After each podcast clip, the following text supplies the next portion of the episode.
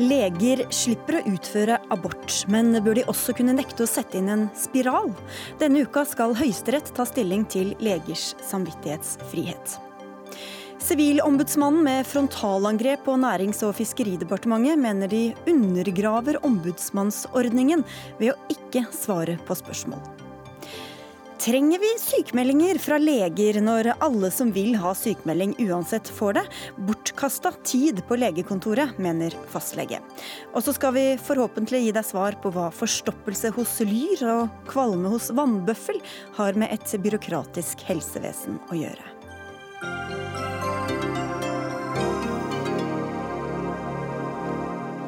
Alt dette og mer til skjer altså i løpet av den neste timen her i Dagsnytt 18. Jeg heter Sigrid Solund. Hva bør helsepersonell få slippe å gjøre av hensyn til egen samvittighet? Er det greit at en fastlege reserverer seg mot å sette inn en spiral som han eller hun ser på som en svært tidlig abort?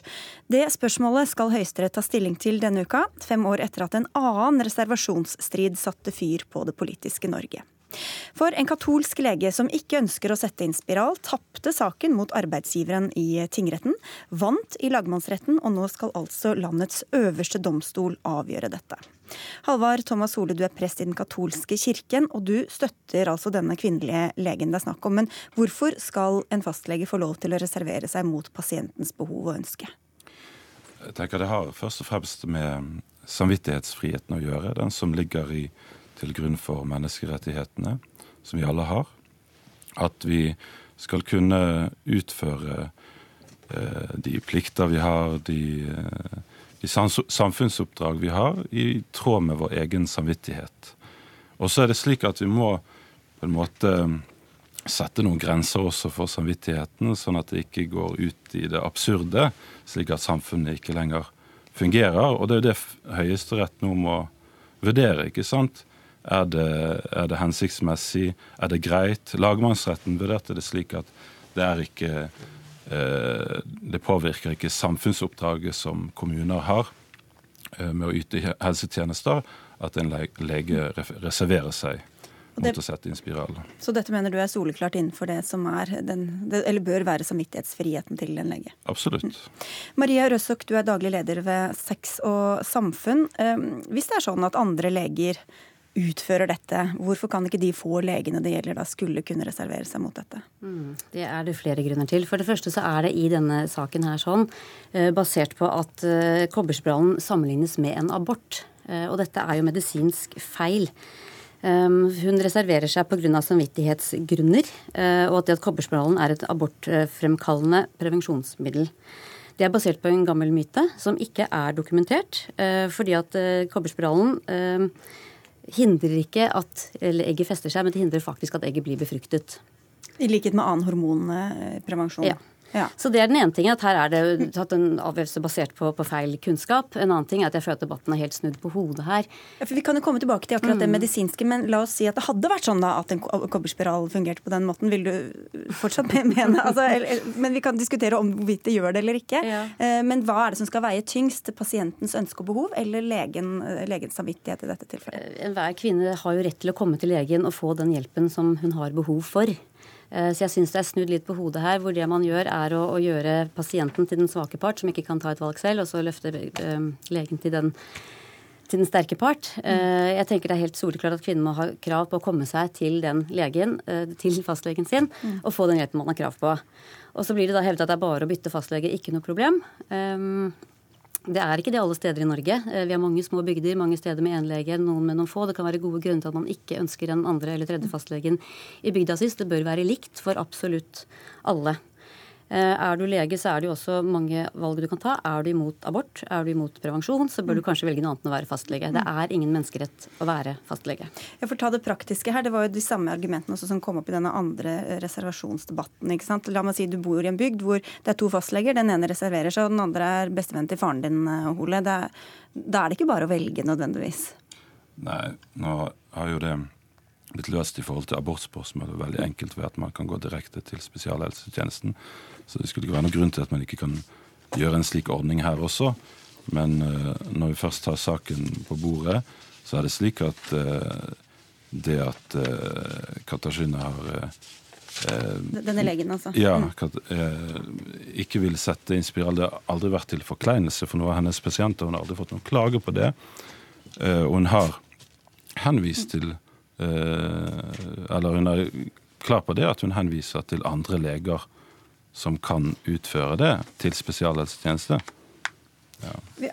Her er det jo da, som, kanskje med prinsippen. Jeg vet ikke hvor mange leger dette egentlig gjelder. Det har jo vært andre saker enn bare denne. Eh, Magnar Kleiven, du er generalsekretær i Norges kristelige legeforening, og dere bistår altså også denne, denne legen her i denne saken i, ja, i, i Høyesterett, bare for å ha sagt det. At dere er på en måte en slags part her også. Eh, men hvor, hvor viktig mener dere at denne saken er? Uavhengig av hvor mange det gjelder?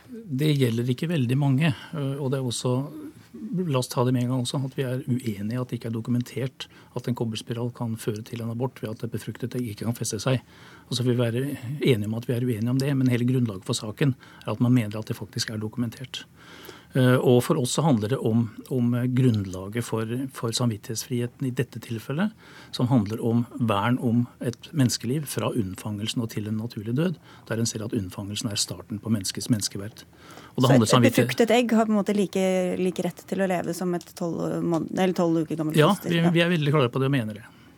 Vi må kanskje få det unna veien først som sist, dette medisinske. da. Eh, Tilde Broch Østborg, du er overlege ved eh, kvinneklinikken eh, ved Stavanger universitetssykehus.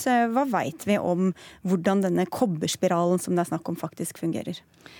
Det er helt korrekt slik representanten fra Sex og Samfunn påpeker, at det finnes ikke noe godt vitenskapelig grunnlag for å hevde at kobberspiral utløser en abort. Derimot finnes det flere publikasjoner som viser at dette virker spermicid. altså Dvs. Si at det hindrer sædcellene i å nå egget.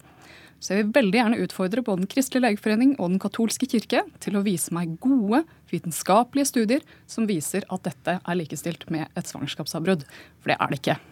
Ja, da kan vi jo spille ballen over til dere. Jeg vet ikke om, om katolske kirken sitter på noe særlig Godt Nei, vi må vise til, eh, til uh, medisin og, og, det som er dokumentert, men uh, gjennomgå... Det var jo veldig rundt, da. ja, men, ja, altså, ja, men altså, gjennomgående, både til og med på Sex og Samfunn sine hjemmesider, står det om uh, står det om spiral som et nødprevensjon. Det er hvilken betydning er det i tilfelle? Ja, det er noe helt annet. Hvis nødprevensjon? ja, man kan, bruke, man kan bruke en kobberstråle som nødprevensjon. Da har, den, da har det den effekten dere snakker om, men det er en helt annen ting enn å bruke det forebyggende. Som regel sitter den vel inne i noen år, hvis man først setter ja. inn en, en Men hvis man har hatt et samleie og tror man kan ha blitt gravid, så kan man bruke det som nødprevensjon. Så den fungerer på to måter. Det ja. gjør vel mange andre prevensjoner også. Helt så både forhindrer eh, egget å bli befruktet, og så forhindrer de å, ja, å feste seg. Så det er en helt annen debatt. Det går an å bruke det på den måten, men det er ikke det vi diskuterer okay, her. Men da kan vi høre med lege, eller Norges kristelige legeforening, hva slags dokumentasjon dere har? Jeg har ikke den dokumentasjonen foran meg nå, men hele grunnlaget for rettssaken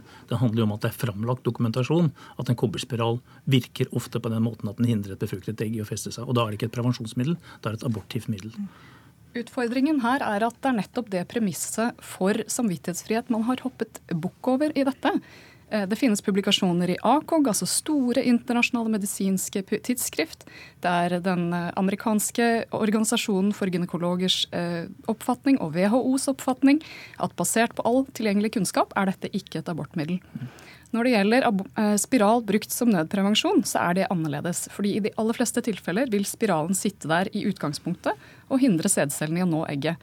Det kan også brukes som nødprevensjon, men det er i et eh, veldig begrenset antall tilfeller. Det har virkningen da, abortiv virkning. Men da kan man jo som som lege For å høre hvor går grensene da, hvis du mener at man bør kunne nekte å sette det inn som nødprevensjon, eller hvor er det disse grensene går? For, fordi det er jo lov å, å, å nekte å utføre abort eller å assistere ved abort. Er det innafor, syns du, sånn samvittighetsmessig? Eh, nå forstår jeg ikke helt spørsmålet ditt. Mente du om man bør kunne reservere seg mot å utføre abort? Det er innenfor lovens rammer ja, i dag. Ja, men så hvis man da, med, hvis man da eh, Bør man da kunne nekte å, å, sette inn en kobberspiral som nødprevensjon, eller? Jeg mener jo i utgangspunktet at eh, jeg støtter Jakimovic sitt eh, krav på samvittighetsfrihet i sitt arbeid. Men ikke på bekostning av de pasientene som kommer til henne tillitsfullt og ønsker tilgang på prevensjon ønsker det ikke på bekostning av kommunens plikter til å yte forsvarlig helsehjelp til sine kvinner i fertil alder. Og jeg eh, klarer ikke å støtte det på bekostning av det stigma og den skam hun påfører kvinner med en spiral, ved å hevde at dette er et abortfremkallende middel. Ja, for Man sender jo litt signaler om at eh, ganske mange kvinner går rundt og aborterer hver måned da, eh, gjennom å si dette. Jeg syns det er grunnlag å komme til, til, til kjernen i denne saken her. Eh, det er jo sånn at Alle kvinner som oppsøker et legesenter, de får utført den tjenesten de ønsker. Katarzyna Jakimovic har aldri fortalt sine pasienter at hun ikke at hun reserverer seg mot å sette inn spiral. Hun forteller sine pasienter at hun ikke har kompetanse til det. Disse fem legene som jobber på dette legesenteret, så er det kun én lege som har kompetanse å sette inn spiral. Hun har fått pålegg fra kommunen å lære det. De andre har ikke fått et sånt pålegg. For det er et kompetansehandler om ikke samvittighetsfrihet. Så vi må holde oss til det saklige i det. Men hun har aldri gjennom de årene hun har jobbet der, fått en eneste klage fra en eneste pasient i forhold til disse sakene. Så alle får den tjenesten de ønsker. Men dersom dette skal være greit, at man reserverer seg mot det av samvittighetsårsaker, hvordan tror du det da er som pasient å komme til en lege som du ikke aner om fordømmer det valget du egentlig er kommet for å få utført eller ikke? Det er ikke snakk om å fordømme et valg, det er snakk om også også velge å ikke gjøre det selv og henvise det til en annen lege. Og som jeg sier, alle de pasientene som det har gjeldt i, i i denne saken har godtatt det med smil og omsorg, og ikke en eneste klage har kommet på denne legen. Nei, eh, altså, du mener at det ikke er å fordømme å si at jeg vil ikke sette inn denne spiralen på deg? Hun har ikke sagt det. Hun har sagt at de har ikke kompetanse til det. Debatten går ikke på nødvendigvis på denne nei, saken. Nei, det går mer overordnet hvis, blir, hvis, det skal bli mulig å reservere seg mot dette. Ja. Eh, hva tenker du da at kvinnen møter? Nei, jeg tenker at Hun møter en lege som har, sier at hun har en samvittighet som hun ønsker å følge. Som da er og Hva gjør det med den kvinnen som får vite at hun selv ikke har en samvittighet? Hvem sin etikk skal komme øverst her? Ja, jeg har aldri møtt en kvinne som har reagert på det. Det er det som er poenget. For at kvinnen blir behandla på en ordentlig måte, blir henvist til annen lege eller gynekolog og får den servicen hun har. Det er ikke alle steder man kan bli henvist til en gynekolog. Nei, og det er også sånn, og det er også klart at hvis du sier at hvis det er en utkant der det er to leger, og den ene er onkel til den andre, så er det en selvfølge at det er ikke en, en reservasjonslege som skal begynne å jobbe der. Og hun så her bør det være praktiske ordninger ja, Hun sørget som... for å finne et sted der det var mulig, som det ikke var alenelege. Altså, det, finnes, det finnes 43 spesialiteter i Norge. 41 av de innebærer ingen kontakt med kvinners fertile alder. Det er fulle muligheter til å praktisere som lege i tråd med sin samvittighet uten å oppnå berøring med dette her. Og når du sier at det er ingen som har klagd, tenk deg tabuet som ligger i det å klage. Og, å, si at du er ikke blitt møtt av fastlegen din eh, på en ordentlig måte, men at du er blitt møtt med eh, tabu og skam. Skal vi, ha, skal vi, på en måte opprette en mulighet for en slik frykt blant norske kvinner? Men Det er en hypotese at de da blir møtt med dette, eller har dere erfaringer som sier at de, de kvinnene det gjelder, faktisk føler skam og skyld på den måten? Jeg kan svare på det. og I forbindelse med reservasjonssaken i forbindelse med abort, så samlet Susanne Kvalitza inn over 200 historier med kvinner som har blitt møtt på en lite grei måte hos sine fastleger. Men var alle disse reservasjonsleger? Ja, det var reservasjonslege. Men for å ta det eh, da, eh, Kleiven. Hvorfor skal man jobbe på, som fastlege hvis man har disse følelsene eller den samvittigheten, og ikke f.eks. på et sykehjem eller andre steder hvor dette er helt uh, uaktuelt? Nå er det jo slik at det er en promiller av legen eller fastlegens jobb som handler om å sette inn spiral, og som handler om å bruke sin samvittighetsfrihet. Og det å være fastlege er en egen interesse som en ønsker å gjennomføre. Og det er også sånn at, og det synes jeg er viktig å få fram i denne debatten, som lagmannsretten har påpekt, at Den europeiske menneskerettighetskonvensjon artikkel 9 den sier at man har rett til samvittighetsfrihet, til trosfrihet, til religionsfrihet. Og så sier andre del av den artikkelen at det gjelder ikke dersom det går utover helsevesenet i Norge. Og så er det lagmannsretten konkludert at det går ikke utover helsevesenet hvis noen reserverer seg. fordi at over 30% av norske fastleger har aldri satt ned en spiral. Og Du trekker også historiske paralleller Hole, til andre samvittighetsårsaker ja, hos leger? Ja, det handler, for min del så handler det om å skape et rom for at samvittigheten skal kunne fungere i samfunnet. Eh, fordi at den er så grunnleggende for oss. Den står eh, nedfelt i menneskerettighetskonvensjonen. Eh, vi alle forholder oss til vår egen samvittighet en så grunnleggende del av det å være menneske. og Den formes ikke bare av medisinstudiet. Den formes av oppdragelse, vår eh, livssyn, vårt livssyn. Eh, det sitter så dypt i oss at vi må ha det rommet for å kunne handle etter vår samvittighet. Og spesielt i saker som gjelder liv og død, tenker jeg. Ja, dere kan... Men jeg støtter jo det. Jeg mener at den dagen jeg finner at min yrkesutøvelse ikke er forenlig med min etikk og moral, så er jeg nødt til å finne meg noe annet å drive med. Så det er ikke plass til leger da, som ser på det ufødte livet helt fra begynnelsen eh, som noe hellig? Jeg tenker det, men det er plass til de i de 41 spesialitetene som slipper å ha noe med det å gjøre. Og eh, det er klart at eh, Du nevnte innledningsvis at man kan bli henvist til en gynekolog. Altså, det er en svær mangel på legespesialister i Norge i bl.a. disse 41 spesialitetene, mm. men også gynekologer. Og en sånn tilnærming da, det vil jo for det første eh, påføre pasienten ekstra reisevei, ekstra besøk, en ekstra egenandel, og at andre pasienter med reelle gynekologiske problemer som ikke kan håndteres i, i primærhelsetjenesten, må vente. Ja, det er jo ikke problemfritt, men spørsmålet om det rommet er stort nok. Og det er det jeg stiller spørsmål om, om vi har det rommet til å kunne ha eh, samvittigheten vår med oss på jobben, og særlig når vi utøver disse yrkene. Og at vi har mulighet til det, det kan vi vise til reservasjonsrett ved omskjæring. Det finnes der. Det, det, finnes like muligheter. Tiden går så fort når det er så store spørsmål på, på plakaten. Dere skal få en avsluttende kommentar, begge to. Jeg bare synes Det er riktig å påpeke at fra 1978, da abortloven kom, og fram til denne nye forskriften kom, så var det 600 000 abortsøknader i Norge. Og det var fem klager på leger som, hen, som nektet å henvise. Da var det en, en uformell reservasjonsrett hele tiden. Ja, og det er det vi ønsker å gjeninnføre. Ja, fint med en etisk debatt, det er veldig veldig bra. Eh, det er synd at det må gå utover noen, for det er det det gjør i denne saken her, og det er dumt. Og så syns jeg det er også veldig synd at du sier at det finnes, eh, det finnes dokumentasjon, dokumentasjon, på dette. Det vil vi gjerne se, for de har ikke klart å komme med noen ting her i dag som sier noe annet enn at det finnes dokumentasjon i rettssalen. Det eneste tiltaket som har vist å redusere aborttallene i Norge blant uh, unge kvinner, er innføringen av nettopp spiral som gratis prevensjonsmiddel i gruppen 15 til 30 år. Den sikreste prevensjonen vi har. ok, dere det er vel siste dag i Høyesterett eh, i morgen, eh, tror jeg. Og siden denne saken er til behandling der, så har både advokaten til legen og den aktuelle kommunen takket nei til å være med. Men vi sier tusen takk til dere fire for at eh, dere kom, i hvert fall. Halvard Thomas Ole, som også er prest i Den katolske kirken.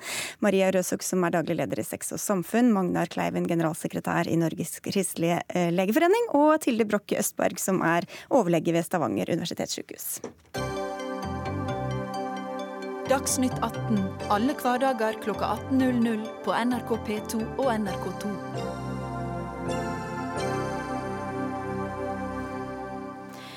I morges kom en eh, nokså oppsiktsvekkende pressemelding fra Sivilombudsmannen. Ordlyden var langt krassere enn vanlig. Blant annet står det det er sjelden jeg opplever en lignende tidsbruk og mangel på respekt for frister for svar til meg. Bakgrunnen for konflikten er en sak der VG ønsket innsyn i næringsministerens kalender. Da de fikk nei, sendte avisa saken til Sivilombudsmannen, som fortsatt altså ikke har fått svar fra departementet. Og Åge Thor Falkanger, du er sivilombudsmann. Det var ganske sjelden kost fra deres kant eh, i dag? Ja, og det skyldes nok at jeg ikke har sett lignende tidsbruk og manglende respekt for de frister jeg setter tidligere. Hva er det denne saken øh, har som kjerne, slik dere ser det? Ja, selve saken gjelder innsyn i næringsministerens øh, Outlook-kalender.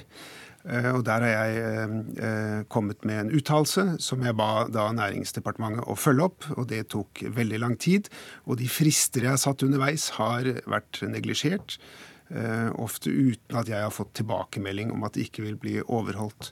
Så det pressemeldingen gjelder her, er først og fremst eh, manglende respekt for de frister jeg setter, som jeg er helt avhengig av at overholdes for å kunne utføre mitt oppdrag på vegne av Stortinget. Mm, og de pleier å bli overholdt på en annen måte enn det skjedde her? Det er sjelden at eh, brytes på den måten her. Ja. Vi har selvfølgelig invitert Nærings- og fiskeridepartementet til studio i dag. De takket nei til å komme, men sier dette har vært en kompleks sak, og at det derfor, har, at det derfor har tatt tid eh, å behandle den. At de ikke klarte å møte den opprinnelige fristen 15.8, men at de skal svare innen den utsatte fristen som er i morgen. Men vi, for å ta tak i alvoret her også, Elin Flodberghagen, du er generalsekretær i Norsk Presseforbund, og dette er også en eh, prinsipielt viktig sak for dere. Hva, hvorfor det? Ja, eh, Innsyn og åpenhet er jo helt avgjørende for at pressen skal kunne gjøre sin jobb. Eh, og vi har også en situasjon i Norge i dag hvor vi har en ganske god offentlighetslov, eh, men som har vært en evaluering av, og som man viser til at ikke følges Eh, så godt som den burde. Den evalueringen, sammen med Riksrevisjonens rapport, viser at det er store hull i praktiseringen av åpenhet. Så har denne saken eh, og flere saker hvor man har bedt om innsyn i statsrådenes kalender, altså møtekalender. Hvem møter man, hvem snakker med, hvem får låne ørene til, til statsrådene, kommet på bordet. Eh, Sivilombudsmannen har gitt pressen medhold i at dette har man innsynsrett i. Det regjeringen har valgt å gjøre, er å sende ut et forslag på høring hvor man lukker lukker tilgangen til den type kalendere.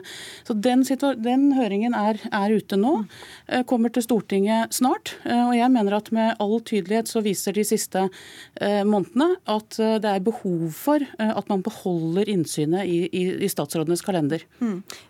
Hva er deres rolle, bare for å forklare det litt nærmere, oppi dette fra Sivilombudsmannens side? Sivilombudsmannen er jo utnevnt av Stortinget for å hindre at urett begås mot borgerne av forvaltningen. Og Vi behandler bl.a. da innsynsbegjæringer fra, eh, eller klager over at innsynsbegjæringer ikke tas til følge. Eh, og Det er en viktig del av eh, de klagene vi behandler. Det går på åpenhet i samfunnet. Og Denne klagen gjaldt da manglende innsyn i statsministerens Outlook-kalender hvor vi sa at det er i utgangspunktet offentlige dokumenter som omfattes av offentlighetsloven, og ba da Næringsdepartementet om å foreta en ny vurdering av sin nektelse av å gi innsyn.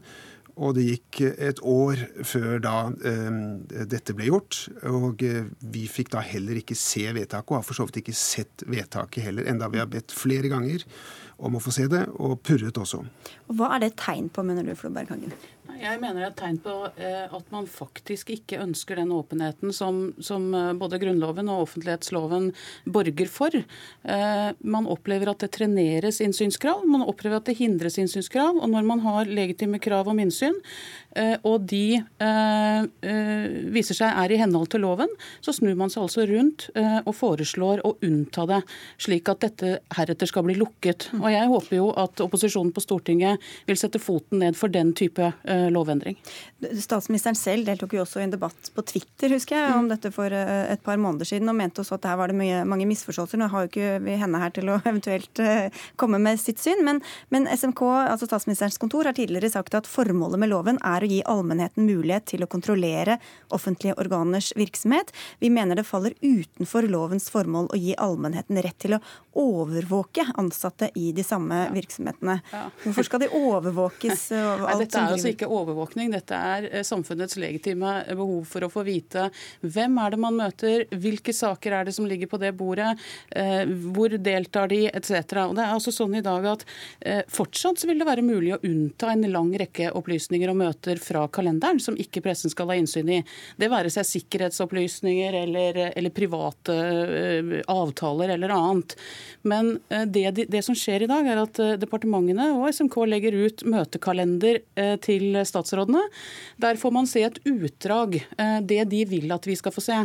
Eh, og Vi mener at det som er viktig, er at vi får innsyn i hvem er det de møter, hvilke interesser møter de. Ja, Min rolle er jo å ta standpunkt i hvordan loven er i dag. Mm. Og jeg har uttalt at loven er slik i dag at uh, dette er offentlige dokumenter som det kan bes om innsyn i. Med mindre det foreligger uh, noen hjemler for unntak. Og det gjør det stadig vekk. I hvert, I hvert enkelt tilfelle må man ja, da ta stilling til det. Men hvis dere har slått fast dette, hvorfor blir det da sånne nye runder? Nei, det eh, overrasker meg i hvert fall at man trenerer behandlingen på den måten som da Næringsdepartementet har gjort. Og det er det jeg da har gitt uttrykk for i dag. Og da skal dere kanskje få et svar i morgen, da? Hva, hva kan stå der som gjør dere fornøyd? Forhåpentligvis. Det får vi se i morgen. Ja. Dere, Vi skulle selvfølgelig gjerne hatt, uh, hatt næringsministeren her. Det, vi får se. Jeg venter med spenning på hva han svarer uh, i morgen. Takk skal dere ha begge to for at dere kom til Dagsnytt 18. Elin Floberghagen fra Norsk Presseforbund og Åge Thor Falkanger, altså sivilombudsmann.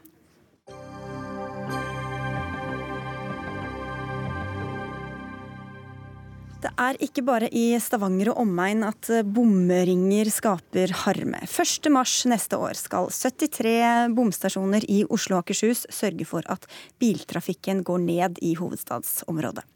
Og det kommer til å merkes, skal vi tro forskerne i konsulentgruppa Covi. De anslår at trafikken går ned med gjennomsnittlig 11% ved bomstasjonene da, og 16% i rushet. Dette fikk miljøbyråden i Oslo, Lan Marie Berg, til å glede seg stort på Facebook forleden, og skrev at dette viser at den grønne politikken fungerer. Men det er én ting de ikke snakker så mye om, sier du Gunnar Stavrum, sjefredaktør i Nettavisen. Nå kan de rike juble, skriver du. Hva mener du med det? Nei, det er klart at vinnerne eh, akkurat på denne måten her er jo de som har, har råd, eller tar seg råd til å kjøre bil likevel. For de vil jo oppleve at de, at de får eh, køfrie veier inn til byen. Sånn at eh, Trygve Hegnar og hans, eh, hans, like de kan glede seg over Og du kanskje? eller? Eh, nei, jeg sykler, men eh, veldig mange kan, kan være i den gruppen. Sirin Stav, du er politisk rådgiver for miljø og samferdsel for MDG i, i Oslo. Hvorfor skal bilkjøring være forbeholdt de rikeste? Ja, Nå er vi ikke helt enig i det premisset. da. Eh, det er ingenting som fjerner kø, utslipp og er så sosialt utjevnende som satsing på kollektiv, sykkel og gange. Og eh, Det er jo bred enighet om Oslopakke 3-avtalen og det nye bompengesystemet av den grunn. Eh, det er det vil sikre oss et miljøvennlig, effektivt eh, transportsystem. Eh, og det stemmer jo ikke heller at det er usosialt isolert sett heller. For de utregningene som Covi har gjort, så er det faktisk en del i Ytreby, som f.eks. Groruddalen, som vil få rimeligere reiser. Fra Holmlia til Furuset vil det bli nesten en halvert pris. Um, mens for noen må betale, det folk som ikke har bidratt i dag, som f.eks. Nordre Aker og Frogner. Eh, må betale. Det er tetter noen hull? Eh, ja, det blir faktisk en mer rettferdig byrdefordeling. Eh, det er, det, det er deler av greia. Og det, det vil øke fra 50-75% av bilistene i Oslo vil betale. Så det er en del av pakka. Og så er det jo også at vi innfører kø- og miljøprising. Mm. Eh, som vil omstille bilparken, som er miljøvennlig i seg selv, fordi ren luft rammer de som, eh, bor, eh, de som bor i områdene med mest dårlig luft. Det er de med lavest inntekt og høyest barnefattigdom. Så det er også miljøpolitikken i det her er sosial. Altså det, eh, bom, Bompenger og veiprising er jo eh, i seg selv eh, sosialt fordelende. i den forstand at Det er jo folk med høy inntekt og, og, høy lønn som de kjører mer bil enn folk som ikke har det. Det var heller ikke mitt poeng. Mitt poeng er at når man blir veldig glad for at bompengene fjerner køen, så, så kan man også ta med på, på hvem det er bra. Og Det er altså de som har råd, eller tar seg råd til å kjøre gjennom, gjennom bom, bomringen. Mm. Og, og, så, og så hvis vi skal sammenligne litt, så er det sånn at hvis du skyter med avsagd hagle på blink, så treffer du blinken, men du treffer ganske mange andre også. Eh, og de du treffer utilsikta, det er folk som ikke har noe valg. Folk som faktisk må bruke bil for å få hverdagen til å gå opp, eller som har litt komplekse jobbreiser i forhold til kollektivtilbudet. Og de, de, rammes jo urettferdig. Eh, det, det, er det heller ikke noe tvil om. Nei, De som er avhengig av bil og som har dårlig råd, de får jo mye dårligere råd enn, eh, sånn, relativt enn de som har god råd. Det er vel ja, altså det, Vi skal ikke nekte for at det er, det er en, i en omstilling så er det noen som vil oppleve at de, de rammes uh, hardt, eller hardere enn andre. Men, men, det er jo sånn at uh, pengene som uh, vi tar inn, går til å forbedre alternative transportformer. altså kollektivsykkel og gange som skal gjøre det lettere for dem å gjøre det. Mm. og så er det også sånn at selvfølgelig det er en omstillingsprosess, men men eh, på sikt så jo, vil jo det også lønne seg for dem. Mm. Men vi har jo hørt også fra aksjonistene på Nord-Jæren, hvor dette er en stor sak nå, at dette er eh, noe de, som går utover de fattigste. Og så snakket vi med Transportøkonomisk institutt eh, i dag. Og Gunnar Stavrum, litt sånn som du var inne på, så er det da sånn som de forteller, at de husholdningene med de laveste inntektene er de som i, i minst grad kjører bil, og som derfor blir minst rammet av disse bomringene. Så det, det henger jo ikke helt på greip. Eh, nei, men det, det er ikke mitt hovedpoeng at det, at det i overordna grad ikke er sosialt. Eh, men det blir litt som moms. Selvfølgelig så treffer momsen alle. Men, men det er en mindre treffsikker sosial fordelingsskatt enn f.eks. inntektsskatt. Men det er ikke mitt hovedpoeng. Det som, det som er mitt hovedpoeng, det er at for miljøets del eh, så er det for så vidt likegyldig om det er en rik person eller en fattig person som kjører bilen. Og For miljøets del er det det samme som gjelder for flyavgifter. Men også der er avgiften utformet sånn at det rammer de som kjøper billigreiser. Og eh, Ofte syns jeg at, det, at, man tar litt for lettvint på, på den sosiale virkningen for folk som trenger det. Jeg lurer litt også på hvordan Stavrum mener at vi skal finansiere de viktige, store kollektivprosjektene som vi er helt avhengig av for å få til et funksjonelt og effektivt transportsystem i Oslo-regionen uten å ta inn bompenger. Og også er det litt interessant at Stavrum ikke utfordrer andre bompengefinansierte prosjekter, som i hovedsak er jo store motorveiprosjekter. Han velger å kritisere Oslopakke 3, hvor ni av ti kroner går til kollektiv, sykkel og gange. 98 eller sånn, Det er jo de mest sosiale transportformene. Det er veldig eh, enkelt å svare på Hvorfor ikke kritisere store E6-prosjekter? Det er veldig enkelt å svare på hvordan det ellers skulle finansieres. Altså, Selvfølgelig over skatteseddelen og over offentlige budsjetter. Det er jo en annen, den typiske måten å finansiere offentlige oppgaver på. sånn at at det er ikke sånn at man, den eneste måten å finansiere vei- og kollektivtransport på, det er bompenger. Men da har du et moment som du da ikke eller utelater, er jo dette som har vært enighet om og masse vedtak på i Stortinget, at all vekst i trafikken i byene skal skje gjennom eh, kollektivtrafikk, sykkel og gange. Og Hvordan skal du få til det hvis du ikke samtidig rammer eh, biltrafikken, sånn at den går ned og ikke opp? Eh, Mitt poeng er at den rammer biltrafikken uansett om du, om du, behøver å kjøre bil, eller om du gjør det bare fordi du har råd eller tar deg råd. Og det, det, var det som var mitt poeng. Det, jo, men Du kan jo forholde deg til problemstillingen for det, selv om ikke det var utgangspunktet for poenget ditt. Jo, men det, det er jo ikke min oppgave å, å finne ut uh, hvordan, hvordan, kollektivtransporten i Oslo skal finansieres. Jeg bare påpeker et, et, et, uh, en bivirkning i triumfen over at køene går ned, er at uh, det kan alle i velstående som kjører sånn SUV, glede seg over. Vi har et prinsipp som heter forurenser betaler i Norge, eh, som ikke alle politikere liker å følge, men som er et veldig godt prinsipp. og det det rammer jo Det er ikke et sosialt prinsipp. Det er jo at man, det bør ikke være lønne seg for fattige og forurense i større grad enn de som er rike. Og jeg tror også at eh, velstående folk vil la seg påvirke av eh, insentiver for å ta velge andre transportformer. Men vi, vi jobber jo, dette byrådet gjør jo veldig mye for sosial utjevning på andre områder. Og man må se helheten i politikken. Man har ganske mange tiltak i de områdene. Men at noen ofres, for å si det sånn, i den pakka, det går du med på da? Altså noen som ikke er avhengig av bil? Ikke at noen ofres, fordi vi, vi, virkelig vi prioriterer de mest sosiale transportformene. så jeg er ikke med på det premisset. Men at, at noen kjenner på litt ubehag i en omstillingsperiode, ja. Men, mm. men vi, virke, vi, prioriterer de, de, eh, med minst i byen. Eh, både gjennom transportsystemet og gjennom andre sosiale tiltak. Og så vet vi da også ifølge Transportøkonomisk institutt at eh, alle, bruker, alle økonomiske inntektsgrupper bruker kollektivsystemet. så Sånn sett så kommer det jo også alle til gode. Og at de som tjener minst, er også de som sykler mest så, de, så, det du sier, Stavrum, er egentlig bare at de som har mest penger, tjener, bruker mest penger. sånn som i alle deler, andre deler av samfunnet. Nei, men altså, det, det, hvis du ser på, det er også lagd en annen analyse av covid, nemlig hvordan hva blir virkningene av, av den, nye, de, den, nye, reviderte Oslopakke 3. og det er sånn, Den slår skjevt ut. Den treffer uh, menn i større grad enn kvinner. det gjør Den treffer folk med høy inntekt mer enn folk med lav inntekt. Men treffer også barnefamilier mer enn enslige. sånn at Det er ingen tvil om at noen grupper blir ofra uh, for det store fellesskapet fellesskapet. Det, det, det tror jeg også MDG må være ærlig nok til å innrømme. De med aller minst midler, de eh, reiser kollektiv og ikke med bil. For det koster faktisk ganske mye å eie og bruke en bil. Så de med minst bemidla i byen, de reiser kollektivt. Det er også derfor veldig mange andre byer i verden, som ordføreren i Bogotá f.eks. Hans slagord er jo at en moderne by er ikke en by der de fattige reiser med bil, men der de rike reiser med kollektivtransport. Så vi bare håper at de har barnehageplass i nærheten av der de bor, da. Sånn. Ja, og det er også politikk på. Vi har realpolitikk på det. Helt feil. Skal vi avslutte nå, ikke innlede noe helt annet? Byen, alt skal være innen ti minutters gange. Herlig, takk. Det brukt halvannen time med kollektivtransport hit i dag. Du, takk for at du syklet og kom deg hit i tide. Takk skal dere ha begge to. Gunnar Stavrum i eh, Nettavisen og Sirin Stav, som altså er politisk rådgiver for miljø og samferdsel for MDG i Oslo. Og vara i bystyret.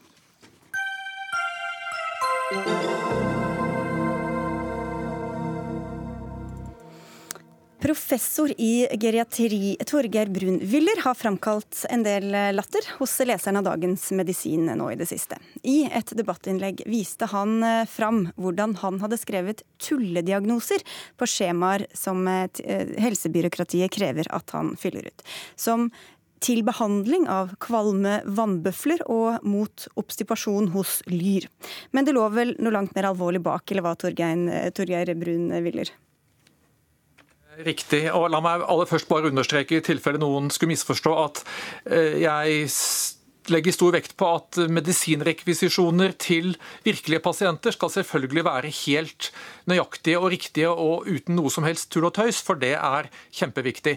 Det dette gjaldt, det var noen eh, begrunnelser jeg ble bedt om, blir bedt om å avgi som er rent pro forma fordi jeg, eh, de kommer et etterskuddsvis, og jeg kan ikke vite hva det gjaldt. Mm. Og Da har jeg altså laget, eh, tillatt meg å lage litt tøys og tull med det i et års tid nå. Ja, For du har ikke behandlet faktiske vannbøfler med kvalmetendenser? Nei, jeg har ikke behandlet verken vannbøfler eller kolibri eller kongeørn eller lyr eller torsk, som jeg har skrevet på, på skjemaene. Så det er ganske, ganske åpenbart uh, tøv uh, fra min side. Og det som er interessant og enten morsomt eller tragisk, alt ettersom hvordan man ser det, er at det, dette har jeg holdt på med et års tid, og overhodet ikke fått noen reaksjon på det. Og det tolker jeg dit hen at poenget har ikke vært å få frem en reell begrunnelse, for det har man jo også visst at jeg ikke var i stand til å gi i disse tilfellene.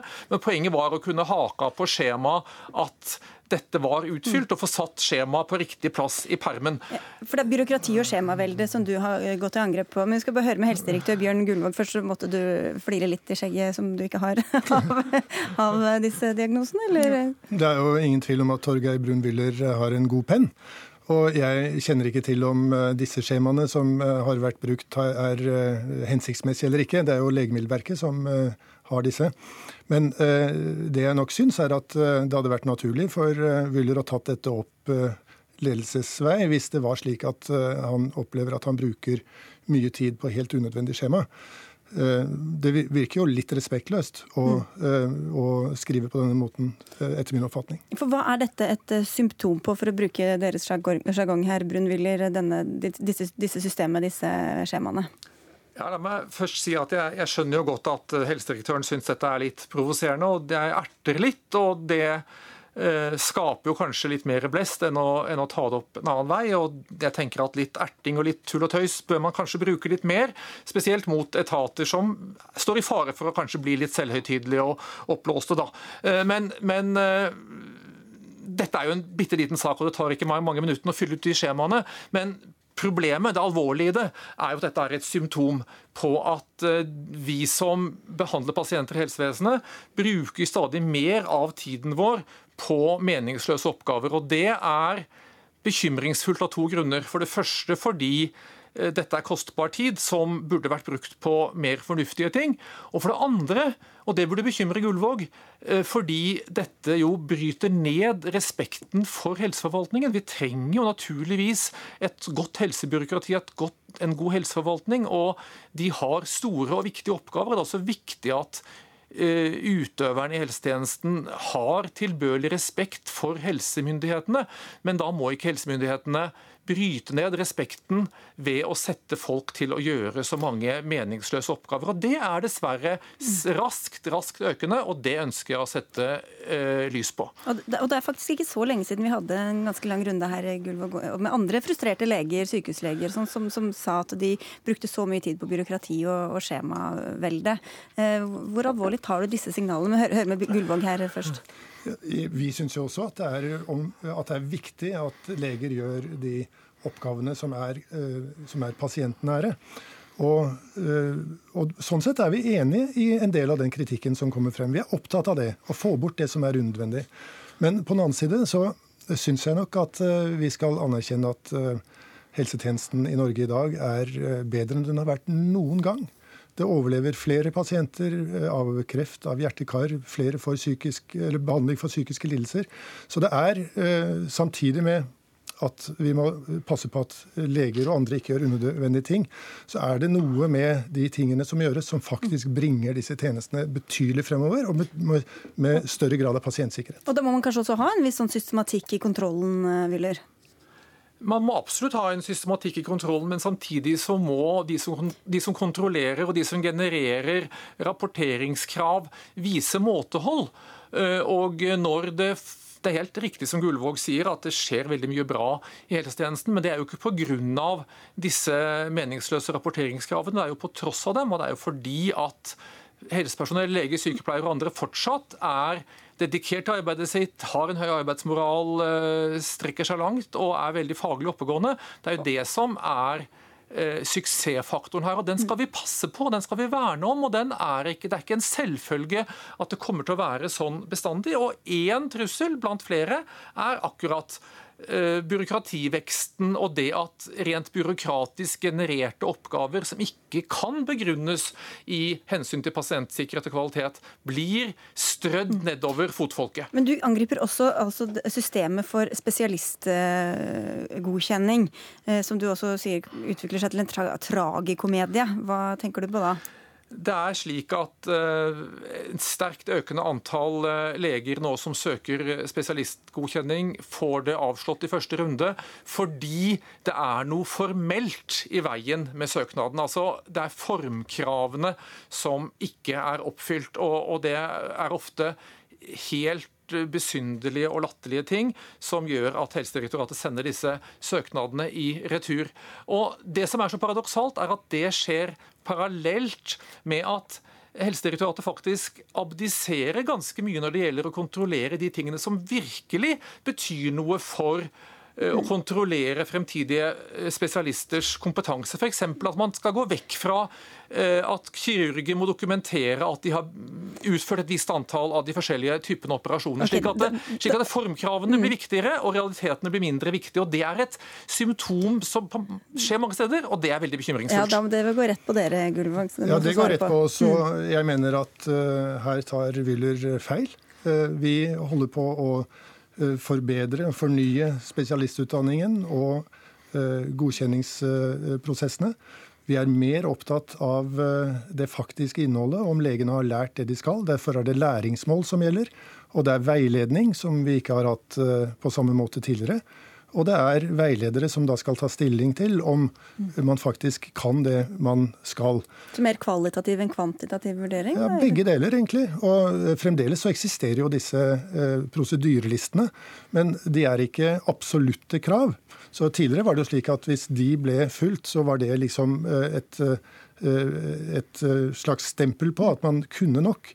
Nå er det slik at noen må si at dette har denne kandidaten faktisk vist at den kan, og det er trygt å eh, gi vedkommende adgang til norsk helsetjeneste. Tida går fort her, Ville, men det er jo egentlig i tråd med alt vi hører fra første klasse skal gjelde da, i hele utdanningsløpet? Det er blitt mye mer skjønnsmessig, mye mer omtrentlig og ikke minst veldig mye mer overlatt til helseforetakene, som jo har all mulig økonomisk interesse av at de får skyflet kandidatene gjennom så fort som mulig. Og Helsedirektoratet, som virkelig er statens fagorgan for kvalitet i helsetjenesten, de abdiserer og konsentrerer seg om formkravene. Jeg synes jo Det er interessant at Wyller mener at Helsedirektoratet burde bygge opp et byråkrati på dette, når vi har fantastiske leger ute i tjenesten som kan veilede sine kolleger. Ja, Men dette har jo blitt mer og mer komplisert, Bjørn Gullvåg. og, og vi, vi ser jo hvordan kandidatene gang på gang får ting i retur fordi formkravene er feil, samtidig som eh, vi ser at i realiteten i vurderingen overlates til mer og mer eh, ikke etterprøvbart skjønn.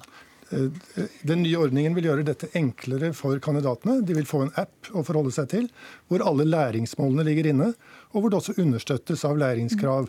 Og Veileder vil da kunne fylle ut på egen PC om dette er oppnådd eller ikke, og vedkommende som da eh, er, eh, skal få en spesialitet, kan sende inn dette til Helsedirektoratet, og det er en automatisk eh, ordning på dette. Så det ville være en veldig forenkling av systemet. Avbyråkratisering på alle måter. Ok, jeg tror vi, Det er det vi rekker i denne omgang. og De som tror vi har hatt nok helsestoff, må belage seg på enda en sak om litt, hvor vi spør om vi i det hele tatt trenger at leger skal sykemelde, eller om det er noe vi kan gjøre helt selv. Takk skal dere ha, helsedirektør Bjørn Gullvåg og Torgeir Brun-Wille, professor i geriatri ved Universitetet i Oslo. Hør Dagsnytt 18 når du vil. Radio NRK NO.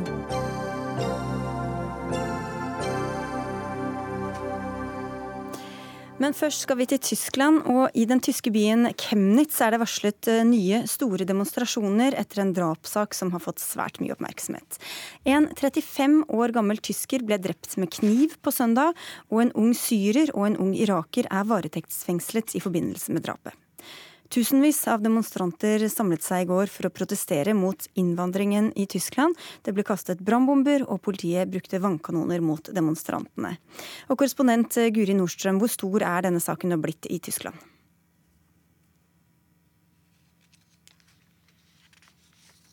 Skal vi høre om vi får med oss Guri? Vi, vi, prøver å få eh, inn Guri Nordstrøm. I mellomtiden kan vi gå til deg, forfatter og journalist Astrid Sverresdottir Dypvik.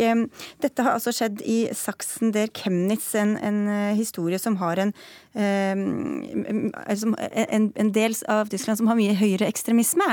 Men er det høyreekstremister som står bak disse demonstrasjonene? Det er vel en blanding av eh, mye forskjellig da, fra, fra, ytre høyre. Men ytre høyre er jo veldig stort i Saksen. I, ved forbundsdagsvalget i fjor høst så ble AFD, det her høyrepopulistiske partiet, ble det største partiet i delstaten. De fikk 27% av stemmene. så det er jo og I Saksen så er det jo også en bred bevegelse. Det, Nynazister stemmer på det, men det er også tidligere eh, velgere av Angela Merkel sitt parti som, som har gått over til de i hopetall. Så det er jo altså det er jo et ganske blanda miljø, da.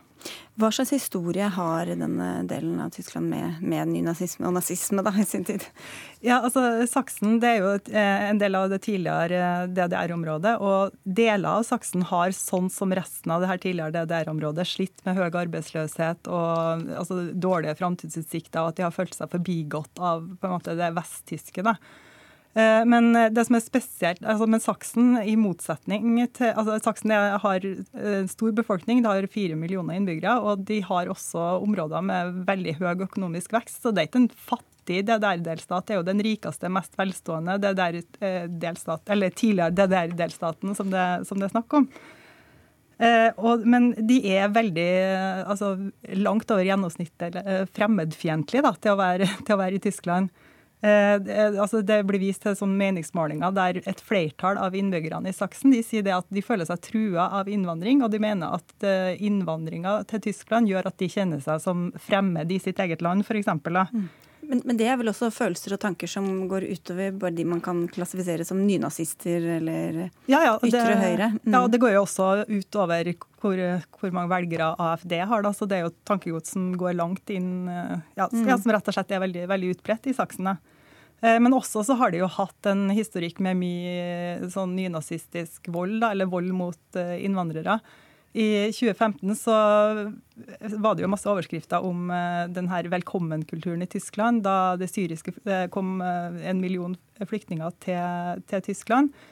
Uh, og da ble det jo også masse protester med branner på asylmottak. Og det viser seg jo da at en femtedel av alle de brannene som ble starta i 2015 på asylmottak, skjedde i Saksen. Mm. Mm. Men hva er det historisk som kan forklare dette, da? Nei, altså, eh, det er, altså man, det er jo mye av det samme som gjelder for det tidligere DDR-området, der fremmedfiendtlighet eh, har på en måte fått blomstre opp. Da, litt pga. dårlig økonomisk utvikling og pga. at veldig mange som har altså stor, fra, stor, fraflytting. Og det er et område der man ikke har vært vant til som innvandring, for det var ikke noe særlig innvandring i, i DDR. Og man snakka veldig lite om det også. Mm. Så ja, det er i hvert fall noen av grunnene. Men uh, disse drapene da, uh, de ryster vel også andre deler av Tyskland, uh, vil jeg tro. På ja Det her drapet i Chemnitz? Det, det drapet ja, av de to. No. Mm, mm. Ja, det, det vil jo Men nå la seg jo nettopp i Der Spiegel at det, han mannen som ble drept, det sto at han hadde en cubansk far. Eh, sånn at Han var jo sønn av en innvandrer, da, i så fall, så at han er jo ikke en person som altså han er jo en person som kunne ha blitt angrepet av de som nå demonstrerer mot at han ble drept. Mm. Og Det er jo litt interessant, i hvert fall. Da tror jeg vi skal ha med Guri Nordstrøm også. Du, hva kan du si om disse demonstrasjonene som både har pågått og som også er varslet til eh, i morgen? Ja, De som er varslet i morgen, det er i forbindelse med at uh, han som er delstatsleder i Saksen, skal komme for en såkalt borgerdialog, som de har fire ganger i året. Da har altså den den ytre høyre-borgerbevegelsen Pro Chemnitz sagt at de vil demonstrere i forbindelse med det. Og nå rett før sending så kom det også meldinger om at eh, Saksen, politiet i Saksen denne gangen har bedt om forsterkninger fra politiet hvordan, på sentralt hold. Hvordan reagerer tyskere flest på dette som skjer da? Tyskere flest deltok jo ikke på dette som skjedde søndag og mandag, og er sjokkerte over de scenene vi så. Eh, og selv om det har blitt mer innvandringsmotstand i Tyskland etter migrantkrisa og Alternativ for Tyskland kom inn i forbundsdagen for første gang under valget i høst og ble tredje største parti, så er det fortsatt slik at flertallet av tyskerne ikke støtter eh, dette. Men denne saken er jo nå helt altoverskyggende her i Tyskland. Eh, det som skjedde, har sjokkert de fleste, og diskusjonene går på manglende integrering, myndigheter som ikke tar ytre høyre-trusselen på alvor, og dette fallet ufarlig hatet da, mot mm. fremmede, som særlig har grodd frem etter migrantkrisa i 2015. Men så diskuteres også dette med falske nyheter og falsk informasjon. Eh, demonstrasjonen på mandag var særlig hauset opp av falske nyheter i sosiale medier, som ble spredd rundt av ytre høyre-grupper, og som ikke ble stanset i eh, tide. Men, eh, men, hadde de blitt det, så er det jo ikke sikkert at denne gruppa ville ha hørt på det øret likevel. Og så skal du reise til Chemnitz i morgen. Hvordan forbereder de seg på morgendagen der? Ja, Der forbereder de seg på at det nok en gang vil bli bråk. Men som sagt så har nå politiet i Saksen bekrefta at de har bedt om forsterkninger fra sentralt hold. Og dette er også noe innenriksminister Horst Seehofer tilbød dem tidligere i uka. Politiet har jo blitt eh, kritisert her for at dette kom ut av kontroll, og for at de ikke hadde forutsett denne situasjonen. Det var altså rundt 6000 demonstranter på mandag kveld. Rundt 5000 av dem mot innvandring. og så var det det rundt 1000 motdemonstranter, og så var det bare 591 eh, politifolk. Du følger med, Guri Norsem. Eh, skal ikke se bort fra at vi uh, hører fra deg seinere i uka. Så får vi altså si tusen takk skal du ha, Astrid Sverresdottir Dypvik, som er journalist og forfatter av boka 'Det var DDR'. Takk skal du ha.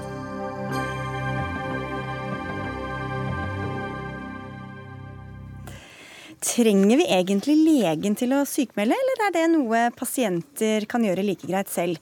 Det spørsmålet ble stilt i et debattinnlegg i Aftenposten forrige uke, og vakte en viss oppsikt. Bjørn Hansen, du er selv fastlege i Porsanger. Hvordan blir legen overflødig når det kommer til sykemeldinger, mener du? Legen blir vel overflødig på den måten eh, at det spørres ikke etter sykdom eh, når man sykemelder. Du skriver at alle får sykemelding om de selv vil, men er det sånn det bør være, eller er det en ren fallitterklæring, eh, slik du ser det da? Altså Slik jeg ser det, så er det jo en slags fallitterklæring. Altså, Folketrygdloven den er veldig tydelig på at det kreves sykdom for at du skal få sykepenger. Om du ikke da har en skade. Mm. Uh, og Folketrygdloven er faktisk veldig streng. Den er faktisk strengere enn hva som i praksis lar seg Eh, eh, praktisere som lege. Men eh, i praksis så får alle, enten man har sykdom eller ei. Mm. Vi skal høre med deg også, Kjartan Olafsson, du er fastlege og styremedlem i Norsk forening for allmennmedisin. Er det også ditt inntrykk at alle som går til legen og tenker at her skal jeg gå ut herfra dette kontoret med en sykemelding, også gjør det? Nei, det er ikke mitt inntrykk. Denne sykemeldingsjobben den er jo sammensatt. Den består av en vurderingsdel en veiledningsdel og noe som handler om samarbeid. Samarbeid med arbeidsplassen for å finne gode løsninger. Og jeg tror at En viktig del av jobben er selvfølgelig vurdering, som Hansen er opptatt av, men like viktig er den veiledningen. Hjelpe folk til å treffe gode valg, veilede dem til kanskje å være i aktivitet i stedet for å, å hive inn håndkle. Men også noen ganger hjelpe folk til å ta en en pause. Det kan være riktig medisinsk. Men når det da er blitt et innarbeidet uttrykk, og at man sier 'jeg skal sykmelde meg', eller 'jeg har sykmeldt meg', hva sier det deg da? Jeg, jeg synes egentlig ikke, jeg har aldri vært så provosert av det. Jeg har tenkt sånn at hvis jeg kan veilede folk til en løsning som er medisinsk bra, fornuftig i forhold til sykdommer han har, og det er kanskje en annen løsning enn det pasienten selv eh, tenkte på når han kom inn. Han går ut fra kontoret mitt og tenker at uh, dette bestemte jeg selv, så er jeg bare fornøyd. Mm. Hva med deg, Hansen? Hvor ofte skjer det at det kommer inn en pasient som du skjønner at egentlig ønsker seg en sykemeld, men hvor du har satt ned foten? Nå skjer det eh, fordi at jeg eh, har skjønt at i den grad jeg skal endre på en slik praksis, så kan ikke jeg gjøre det alene. Jeg må gjøre det sammen med Nav, som er de som egentlig fatter vedtaket om at eh, pasienten får sykepenger. Men ellers så, Jeg følger jo Olafsen veldig på dette. Eh, og det er jo rett og slett en god doktorjobb, slik Olavsson beskriver det. Og den forsøker jeg også å gjøre. Eh, det som jeg har påpekt i disse artiklene i Aftenposten, er at eh, selve attestasjonen av sykemeldingsblanketten, den trenger egentlig ikke doktoren gjøre så lenge Nav ikke etterspør om det faktisk foreligger sykdom til grunn for sykemeldingen. Og jeg, en ting jeg må få lov til å si, det er at Altså Folketrygdloven den er veldig tydelig på at det er sykdom. Altså, og sykdom er egentlig for oss som doktorer det er relativt avgrenset. Eh, og det er litt rart å sitte og argumentere for at vi skal følge loven. For det er det jeg opplever at jeg til en viss grad gjør. Ja, for Hva slags tilfeller er det som, hvor man da blir eh, sykmeldt, men hvor det egentlig faller utenfor det loven sier at man kan bli sykmeldt for? Eh, nei, noen, eh, En vanlig gruppe er jo de gravide. Gravide er veldig friske kvinner som sliter med sitt, men de er ikke syke. En annen gruppe er eh, eh, folk som har kronisk syke pårørende som de tar seg av. Det er klart dette er folk som sliter, men de er ofte ikke syke. Andre er folk som møter ulike utfordringer i livet som gir ulike symptomer som er tunge å bære. Mm. Og Det er helt normalt. Jeg har ingen sykdom. Fordi sånn er det, Dette diagnosesystemet Olaf, sånn at ofte så må kanskje legene si at, gi deg en diagnose selv om du egentlig kanskje bare er helt utslitt, eller du er eh, i sorg, eller av en eller annen grunn ikke makter å gå på jobben. Nå, heldigvis er systemet sånn at vi har noen diagnoser som er symptomdiagnoser. Som gjør at vi slipper å sette en, en skikkelig sykdomsdiagnose på folk i en sånn situasjon. Man har lov å skrive eh, f.eks. psykisk ubalanse, stressituasjon. Og Det er forskjellige diagnoser man kan bruke. Og det er hensiktsmessig. Disse menneskene som Hansen vil stoppe fordi det ikke er en, en ordentlig sykdomsdiagnose, det er de som kanskje har det vanskeligste av alt, alle. Det er eh, på lavmål i livet de som har det aller verst. Kanskje det vanskeligste punktet de er i livet sitt. Og de skulle det være vanskelig å gi en kort avlastning, mens en som har brukket uh, stortåa eller et eller annet, det, det, skulle være mer berettiget fordi at det var en ordentlig sykdomsdiagnose. Det tror jeg ingen er tjent med. Skal, hvis man tar utgangspunkt i at folk ikke jukser, da. Uh, noen gjør sikkert det, ja, men andre er, kommer til legen og er helt fortvilt eller utslitt eller hva som helst. Uh, Hansen, så hva, hva, skal man gjøre med disse menneskene som ikke evner å gå på jobb, men som egentlig ikke faller innunder det diagnosesystemet og den loven? Ja, jeg tror at uh, i, i, utgangspunktet, så, det, så lenge dette er korte sykemeldinger, så er det, er ikke der eh, skoen trykker. Uh, problemet er når disse menneskene blir gående uke etter uke uh, med den samme symptomdiagnosen, den samme psykiatriske ubalansen, uten at det er satt en, en sykdomsdiagnose. Og Problemet er jo også at når de da kommer til første sjekkpunkt i Nav, så spør heller ikke Nav etter en sykdomsdiagnose. Og disse menneskene blir ofte gående et helt år uten at noe skjer. Nei, Det er jeg uenig i. Ikke hvis du er gravid, vil jeg tro. Nei, ikke når du er gravid. Og heller ikke en, en, kortvarig krise i forbindelse med en skilsmisse eller, eller, et dødsfall. Som regel er det forbigående. Uh, ja. Men, men Olafsson, nei, unnskyld Hansen. Uh, sånn som jeg leser det, så mener du jo faktisk ikke egentlig at man skal kunne eh, sykmelde seg selv. Det er mer et retorisk grep du tar, eller hva? Ja, det er jo egentlig det. Ja. Det er jo egentlig det. Eh, fordi at, det, eh, fordi at jeg, det, som jeg sa innledningsvis, at, eh, at, mitt hovedfokus er jo hvordan vi forvalter velferds, disse velferdsordningene generelt, og da sykepengeordningen spesielt, fordi dette er under press. Og jeg, jeg syns egentlig folketrygdloven er ganske sympatisk, for den peker på hvilken gruppe som skal beskyttes, og det er de med sykdom. Men hva skal skje med de menneskene, uten at man da lager et kjempebyråkratisk system for enhver mulig bolk du kan havne i, om du har mistet en du er veldig glad i, eller om du har søvnløse perioder, eller hva som helst. Hva, hva, skal, hva skal man gjøre? Jeg tenker jo at uh, igjen, de korte sykemeldingene, altså de som kanskje er innenfor arbeidsgiverperioden, det er ikke der skoen trykker. Jeg tenker at der, eh, der kan vi kanskje være lemfeldige. Der kan kanskje folk ha en egenmelding de første to par ukene. Uh, men så, etter den tid, så, må, så tenker jeg at da bør sykdomsvilkåret tre i kraft. Og hvis de da fortsatt ikke har sykdom, så må de kanskje finne egne løsninger.